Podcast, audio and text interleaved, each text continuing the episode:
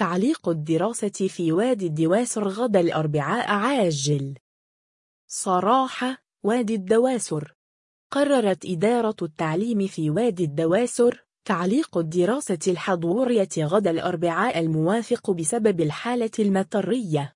وأوضحت الإدارة عبر الحساب الرسمي على موقع التواصل الاجتماعي تويتر أنه سيجري تحويل الدراسة لتكون عن بعد يوم غد وذلك من خلال منصة مدرسة بسبب سوء الأحوال الجوية وبناء على تقرير المركز الوطني للأرصاد.